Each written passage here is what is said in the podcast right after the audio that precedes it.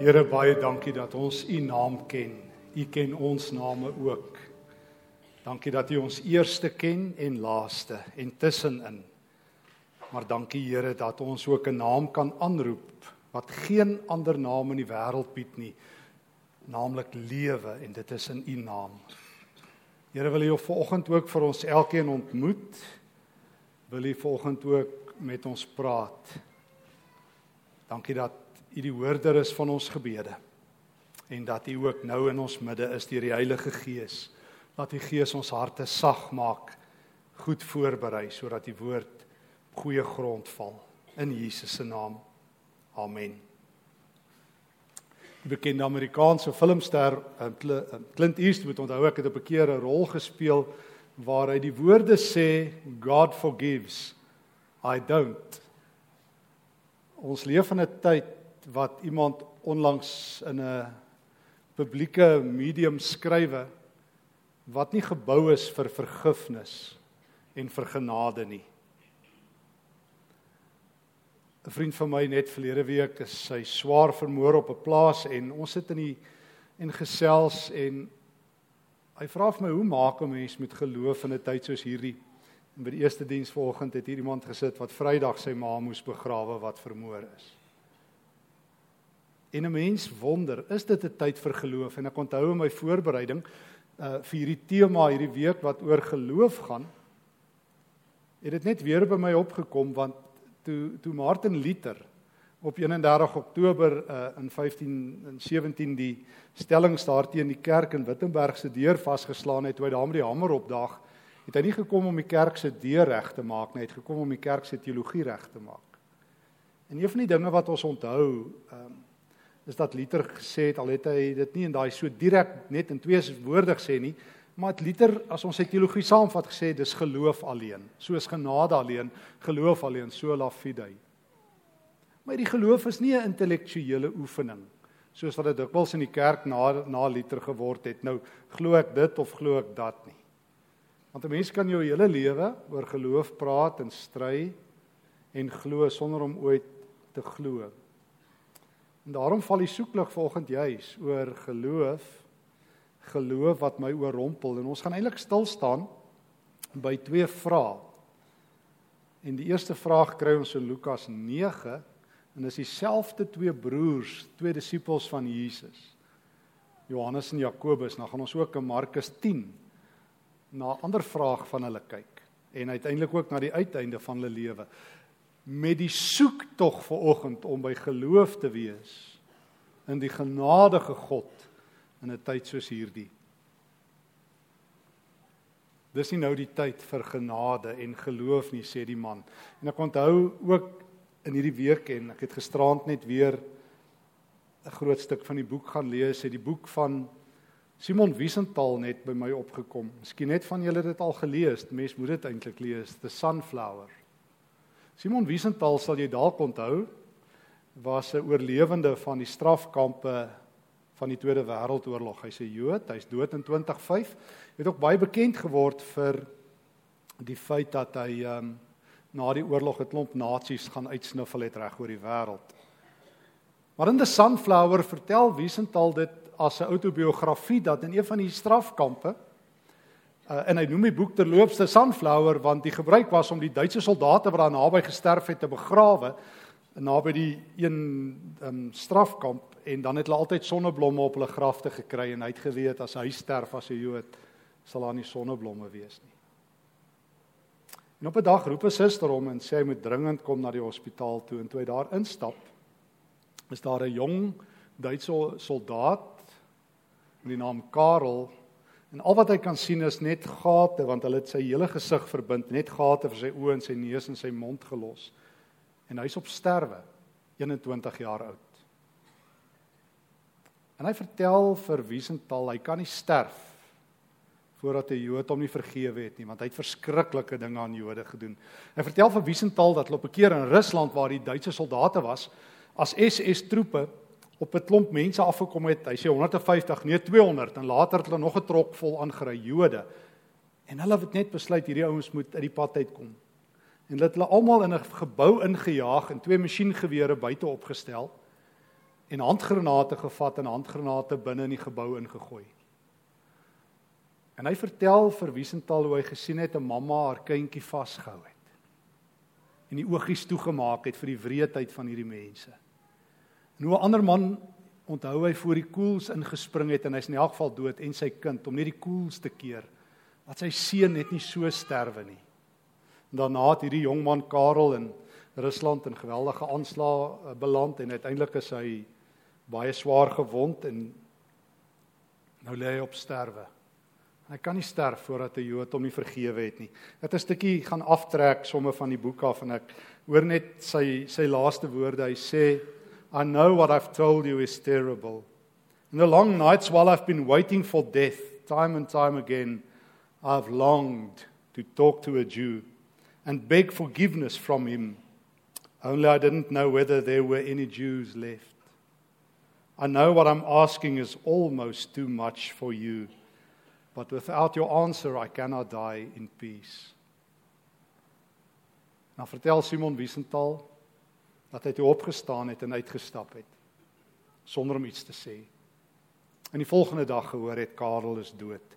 Hy skryf na die Tweede Wêreldoorlog, eintlik hele klomp jare daarna, The Sunflower. Met die vraag, wat sou jy gedoen het? as jy in my skoene was. Dis eintlik die vraag waarmee die boek jou los. En die boek het 'n paar weergawe beleef en die een wat ek ook net het het um, het 'n klomp wêreldberoemde leiers um, gereageer. Um, is hulle gevra om bydraes te lewer. Desmond Tutu, die Dalai Lama van die wêreld se grootste geestelike leiers, uh politieke leiers. Wat sou jy gedoen het as jy in Simon Wiesenthal se skoene was? Wat sou jy gedoen het laasweek vir uh klomp jong mense vertel van een van die ander skilderye daar in Yad Vashem in Jerusalem wat wêreldberoemd is, dalk het al gesien van 'n man met die naam Jehuda wat ook 'n seun was in Auschwitz en wat die lyke van al die Jode daar moes indra en sy eie pa en al sy familie is verbrand. En al wat hy kan doen is om 'n skets te maak van sy pa se gesig in die wolk. Want jy weet daai as, daai wolk wat daar uitblaas, daai as, as jou ouers en mense se dood en dan moet jy dit nog gaan vasstamp op die pad om as te ware 'n teerlaag te vorm die as van die dooie mense. Ons leef nie in 'n wêreld wat gebou is vir genade nie. Dit is maklik. Dit is maklik om by Lukas 9 aan te sluit by vers 51 oor die vraag van Johannes en Jakobus. Dis ons soort vraag in 'n tyd soos hierdie. Toe die tyd nader kom dat Jesus in die hemel opgeneem sou word, het hy vasbeslote die reis na Jerusalem begin en boodskappers voor hom uitgestuur. Hulle het vertrek en in 'n dorp van die Samaritane gekom om daar vir hom verblyf te reël. Maar die bewoners wou hom nie ontvang nie omdat hy na Jerusalem toe op pad was. Jy moet onthou die Jode en die Samaritane het mekaar bloedig gehaat. Trouwens, en nou moes baie Jode van die van die provinsie Galilea vir die Joodse feeste en Jesus was nou op pad vir Pesach of Paasfees moes hulle reis, dis so 100 plus kilometer. En die kort maklike roete was deur Samaria wat tussen Judea en Galilea gelê het. Om daai roete te vat was egter nie vir die Jode 'n roete nie, want die Jode en Samaritane het mekaar so gehaat dat Jode liewer 3 dae langer sou stap. Maar Jesus soos ons hom ken, vat kort pad. Jesus hou van mense wat uh, anderster is. En Jesus vat kort pad en ons weet uit tekste wat ons vandag beskikbaar het van die Samaritane dat hulle hulle winkels toegemaak het as die Jode kom. En nou sien ons gedoen hulle dieselfde met Jesus. Hulle weier om hom te ontvang. Hulle jaag hom uit die dorp uit. Geen Jode welkom. Die bordjie, die apartheidsbordjie is op slegs Samaritane. En dan twee van Jesus se disippels, Johannes en Jakobus, by wie ons vandag so rukkie tyd spandeer. Toe hulle dit sien, toe sê hulle: "Here, wil U hê ons moet vuur uit die hemel uit afroep om hulle te verteer? Let it rain. Fire from heaven. Laat die vuur val, Here." Hoekom dink jy? Kom dink jy het Johannes en Jakobus vuur in gedagte? Miskien is ons eerste leidraad Markus 3. Markus 3 in vers 17 het Jesus vir hulle 'n interessante bynaam gegee. Wonder of julle kan onthou. Markus 3 vers 17 Boanerges. Toe het Jesus hulle genoem Boanerges en Boanerges beteken seuns van die donder. Die donderboeties. Kom noem jy mense so? Wel as hulle opdaag is daar donder weer.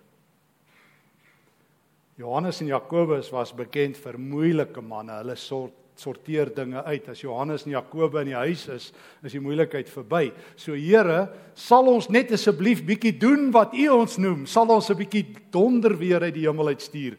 'n Hemelse Guy Fawkes maak, dan sorteer ons hierdie mense uit. Ek moet bely ek hou van hulle gebed. Ek wil dit graag bid in Suid-Afrika. Ek weet nie of ek die enigste ou in die huis is nie. Maar ek wens baie keer dit wil vuur reën op 'n paar mense aan wie ek kan dink. Maar daar's 'n tweede leidraad. Daarvoor ehm uh, vanaand na 2 Konings 1 toe. 2 Konings 1. Gaan net so hier en daar 'n stukkie 'n vers lees. 2 Konings 1 vers 1. Na die dood van Agab het Moab in opstand gekom teen Israel. Ahasia, dis die koning van Israel, het in Samaria deur sy bokamer se traliewerk geval en hom ernstig beseer. Waar is hy in Samaria? Waar word Jesus weggejaag? In Samaria. En dan stuur koning Ahasia, jy kan dit in die teks lees, stuur hy boodskappers na na die uh, Baal profete toe, Baal Sebub, die god van Ekron om hom te vra of hy gaan lewe. Elia, die profeet van die Here, hoor daarvan en is woedend en laat weet vir die koning hy sal sterf. Die koning is net so woedend en hy stuur hy stuur 51 soldate om Elia te laat arresteer. 50 mense plus 'n offisier. Ek lees in vers 9. Hy stuur 'n offisier met 50 manskappe na Elia toe. Die offisier het na die berg toe opgeklim, ook daar in Samaria, waar hy op die top van 'n berg gesit het. Die offisier het vir hom gesê: "Man van God, die koning het beveel jy moet afkom na hom toe." Toe antwoord Elia die offisier: "So seker as ek 'n man van God is, Daar sal vuur uit die hemel uit afkom en jou en die 50 man verteer en daar het toe vuur uit die hemel gekom. En toe die koning dit hoor, raai wat doen hy? Stuur hy nog 50 man en nog 'n offisier. En raai wat doen Elia? Wat hy pas gedoen het. Hy stuur vuur. So ons is nou al by 102 wat weg is. En toe die koning dit hoor, raai wat doen hy? Hy stuur nog 50 man en nog offisier, maar hierdie ou is 'n goeie offisier. Hy sê mense moet leer uit ander ouens se foute. Hulle is nou weg. So Elia ons weet jy kan. Ons weet dis die these are the days of Elijah. En Elia is moeilik. Jy onthou as kinders met hom spot. Dan hy stuur sommer 'n beer op jou enige oomblik af. So dis tussen vuur en beere, maar jy sukkel nie met Elia nie. As Elia in die huis is, is dit 'n Boanerges homself. En raai waar leer Johannes en Jakobus terug na ons teks. Waar leer hulle? Wat doen jy in Samaria? As daar moeilikheid in die huis is. O, jy bid vuur uit die hemel af. Hierdie is nie die dae van genade nie, soos die ou sê. Hierdie is nie die tyd van vergifnis nie. Dis die tyd van vasvat en terugkry en regryk. Dis die tyd van wraak, dis die tyd van wapens opneem. Julle kan bid, ons laai die gewere, sê 'n ander ou vir my. Die vraag is, kan jy in Jesus glo? Ek praat nie van die makgemaakte getemde Jesus nie. Kan jy in die Jesus glo wat saam met Johannes en Jakobus leer leef? En en toe hulle toe hulle sê Here sal ons vuur uit die hemel uit afbid 9 vers 54 Lukas 9 staan daar in vers 55 maar hy het omgedraai en hulle skerp tereggewys. Daarna het hulle die reis voortgesit na 'n ander dorp toe.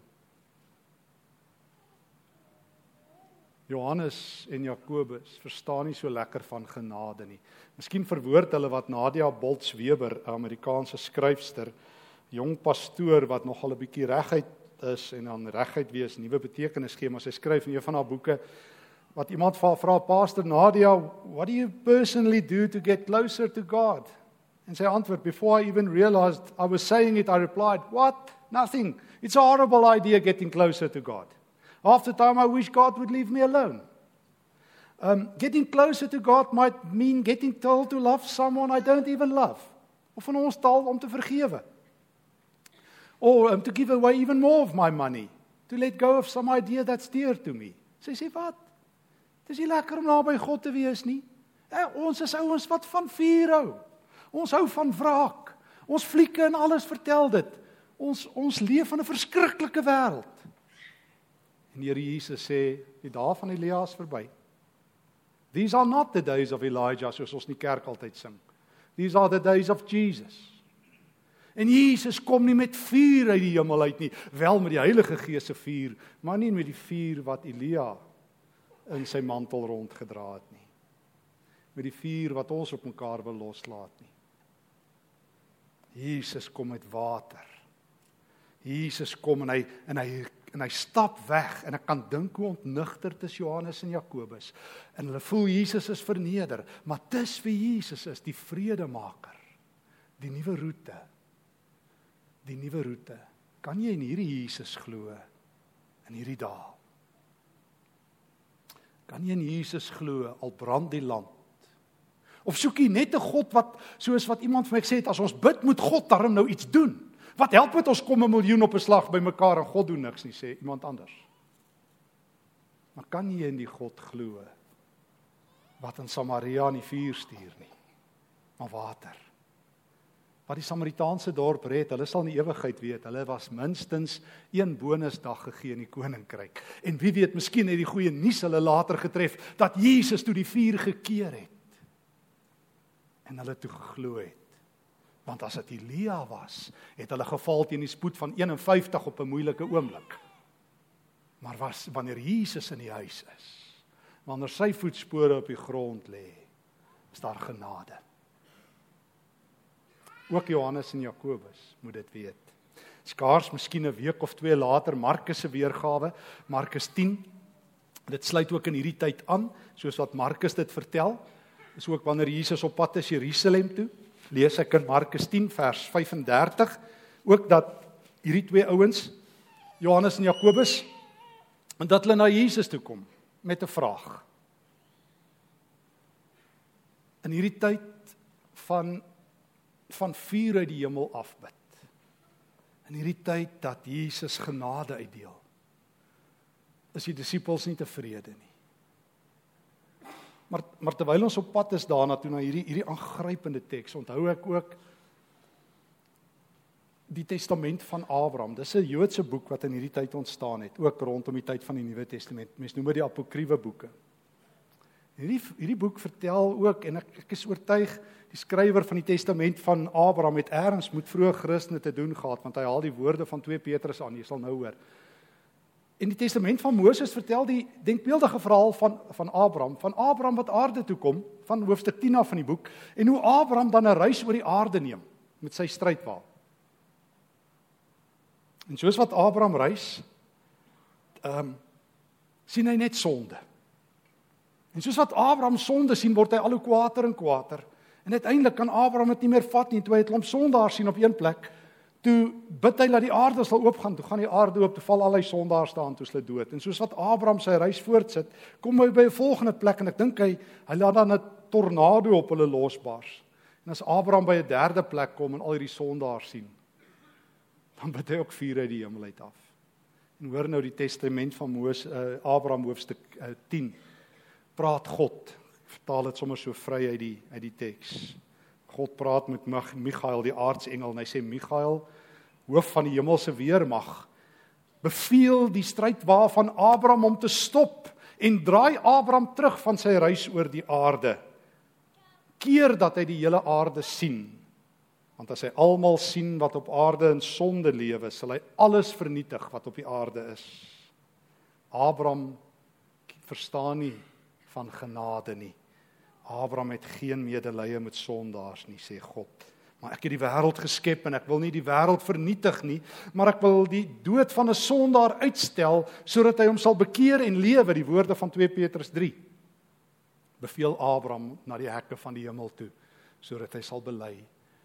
Die dae van Elia is verby, die dae van Abraham is verby. Ek glo in Jesus wat in hierdie wêreld met genade leef. Ek dra die kruis van Jesus. Kan ek? Hoe is makliker om in die Here te glo wat met masjiengewere loop en na die stemme van die wêreld te luister wat met mag lewe. Maar Jesus bring lewende water en daarom ook die tweede vraag van van Johannes en Jakobus. Ehm um, want dit klink nie of die eerste vraag hulle oortuig het nie. Daar in Markus 10 vers 35, Johannes en Jakobus, die seuns van Zebedeus kom toe na Jesus toe en sê: "Here, ons wil graag hê en vir ons doen wat ons vir U gaan vra. Wat wil julle hê moet ek vir julle doen?" het hulle gevra. Hulle het geantwoord: "Wanneer jy as koning heers, laat ons dan langs U sit, een aan die regterkant en een aan die uh, linkerkant." Dis wat godsdienstige mense wil hê. As dit nie vuur is nie, wil hulle die beste plekke hê. Die seëninge van die Here hê. Here, U moet my seën en asseblief gee dit eers vir my. Gee vir my sewe krone, U kan vir die ander een gee. En as dit moet seën gee vir my die meeste. Here, maar ons wil die beste plekke in die hemel hê. Skuif die hele ou spul in die hemel een ry terug. Abraham, Isak, Jakob, Samson, hulle almal. Ons wil die beste plekke hê. Julle weet nie. Julle weet nie wat julle vra nie, het Jesus geantwoord. Kan julle die lydingsbeker drink wat ek drink? Of met die doop gedoop word waarmee ek gedoop word? Nie julle doop waaroor julle stry in kerke skeer nie. Kan julle met my doop gedoop word? Kan julle regtig in my glo? Is julle regtig soos die engel sê 'n dead dead man walking? Julle regtig julle kruis opgeneem? Weet julle dit is eers 'n kruis dan 'n kroon? Weet julle dat om my te volg is nie maanskyn en rose nie? Dis nie vuur om elke hoek en draai nie, maar water oral, strome lewende water. sien julle kans om in my te glo? Wat nie hier op aarde die heeltyd ere sertifikate uitdeel en Voyager myle uitdeel vir goeie getroue ouens en beloningkies en alles laat gebeur soos jy wil nie. sien jy kans om my beker te drink Johannes en Jakobus, seuns van Zebedeus, donderweerkinders? sien julle kans om te verander? Om julle geloof deur my te laat gebeur? Ons kan sê hulle vir hom. Ons kan. Daarop sê Jesus vir hulle die beker wat ek drink sal julle drink. En met die doop waarmee ek gedoop word sal julle gedoop word. En dan sê hy vir al sy disippels julle moet verander en soos kinders word. Letterlik as jy die grootste wil wees in die koninkryk moet jy almal kom dien sien jy kans om te dien om van jou troon af te klim om op te hou om 'n koning en 'n koningin te wees want waaragtig is dit wat ons almal wil wees ek en Kleis en julle almal. Ons hou daarvan om gedien te word. Ons hou daarvan as die servette op ons skote is en ander ouens met die servette oor hulle arms is. Ons hou daarvan dat mense ons na waarde skat en ons belangrik ag weet hulle wie ons en wat ons opgeoffer het. Ons wil erkenning hê in alle koste Here. Totdat ons die beker van Jesus drink En dan ons derde teks. Die uiteinde van hierdie twee disippels van die vraag wat ons konfronteer volgens. Want dit gaan oor geloof, maar nie hierdie veilige geloof wat my niks kos nie. Soos soos 'n vriend van my Rudolf Botha sê by die uh, hy sê meeste ouens hou van radikale preek, hulle wil dit net nie radikaal toepas nie. Hoe is maklik om die woord te hoor, maar is moeilik om dit te doen. Het Johannes en Jakobus verander? Het die weerlig in hulle lewe afgeneem. Het die lewende water in die teenwoordigheid van Jesus hulle lewe vol gemaak. Hulle sagter geword. Met minder wrokke geleef. Minder gegaan vir die goue sitplekke en die goue eererkennings. Het hulle eers hulle kruis gedra en toe 'n kroon. Ons blaai na Handelinge 11 Ons almal weet en jy kan ek vra, ek dink jy vermoed, ek vermoed jy die antwoord. Wie is die eerste martelaar in die vroeë kerk? Wie sterf eerste? Stefanus. Wie sterf tweede? Dis snaaks dat niemand weet nie. Jakobus. Een van die Boanerges, die tweede martelaar. Maande, hoe lank? Markus 10 was kort voordat ons Here Jesus gekruisig is in Jerusalem. Uh nou kom ons in Jerusalem, die vroeë kerk ontstaan so 'n paar jaar later want 'n nuwe Herodes is daar in die bewind. En ons lees in Handelinge 12 in die tyd het koning Herodes, dis een van die Herodes die groot se kleinseuns, ehm um, eintlik 'n ander familielid nie van die gemeentelede laat vang en hulle mishandel en dat jy net een versie hoor nou vers 2. Hy het vir Jakobus die broer van Johannes met die swaard laat doodmaak. Boanerges. Kan jy my beker drink? Kan jy 'n knegg word? Kan jy nie net vir my lewe nie maar sterwe. sien jy kans vir die dood? Ek kan, Here. En Jesus sê ek sal saam met jou loop. Ek sal saam met jou loop as die son skyn en ek sal saam met jou loop as alle hel losbreek. Ek sal saam met jou loop as leeu vermoor in Jerusalem of in Pretoria. Sê ek daar. Hoe ek die sleutels van die dood. En daarom sterf Jakobus net met een woord. Ons ken die groot sterfte van van van Stefanus. Maar die groot held van die Here, die weerlig seun. Hoe het hy gedink? Paar maande of paar jaar later, 2 jaar, miskien sit verby. Vra nou die dag vir iemand in Pretoria wat weer so bang is vir die dood en so praat en ek sê glo jy regtig in die ewige lewe? Want want ek sien jy jy glo in die ewige lewe, maar jy wil glad nie gaan nie. Almal met jou lewendig bid as jy siek is. Die grootste wonderwerk is dat jy toe nou nie dood gegaan het. Dit is my altyd die snaakste dat mense altyd 'n getuienis het hoe hulle nie dood gegaan het nie. Ek sou so graag by die ander kant as ons by die hemel is, almal se getuienisse wil hoor hoe hulle dood gegaan het. Jesus sê ek is by jou. Die tweede vraag. Here gee vir ons die beste plekke. Johannes het dit toe laat los. Hy het sy kruis gedra. Maar daar's 'n ander een. Daar is 'n Johannes ook. Jakobus het die het die roete voltooi, maar wat van Johannes? Wat het met hom gebeur? Miskien net een teks, Johannes 21 vers 20. Johannes 21 vers 20. Ek sou vir jou 'n klomp tekste kon lees uit Johannes 13, Johannes 20. Jesus het toe sy naam verander. Jesus het toe sy naam verander. Want ek dink nie mense wil jou hele lewe, nie as jy 'n volgeling van Jesus is nie, miskien as jy vir WWE stoei of as jy dalk vir wat 'n rugby span speel, dan wil jy dalk bekend staan as terror so en so of wilde leeu so en so of wat ook al, ek weet nie. Maar as jy Jesus volg en jy volg hom reg, jy loop naby genoeg aan hom en jy drink sy beker, en jy drink jou eie beker, dan verander daar iets in jou lewe. Dan lees ek maar net sommer sommer in Johannes 21 vers 20 toe Petrus omdraai, dit is na Jesus opstanding uit die dood, sien hy die disipel uh vir wie Jesus baie lief was, die geliefde disipel, Agapetos. Sy naam het verander. O Jesus kan dit nie vat dat die donder weer seuns in die huis is nie. En toe verander Johannes. En hy die lysie langs lewende van die apostels. Paulus hulle sterf hier rondom 64 Petrus, al die ander apostels word vermoor. Die langslewende apostel wat tot in die begin van die 2de eeu leef, weet ons, is Johannes. Hoe staan sy briewe bekend? Die briewe van die liefde. Hoe hoe het hoe het hy nie uit Jesus se beker gedrink nie. Sy geloof het gemaak dat hy naby genoeg aan Jesus geloop het, dat hy die kruis gedra het en sy hart verander het.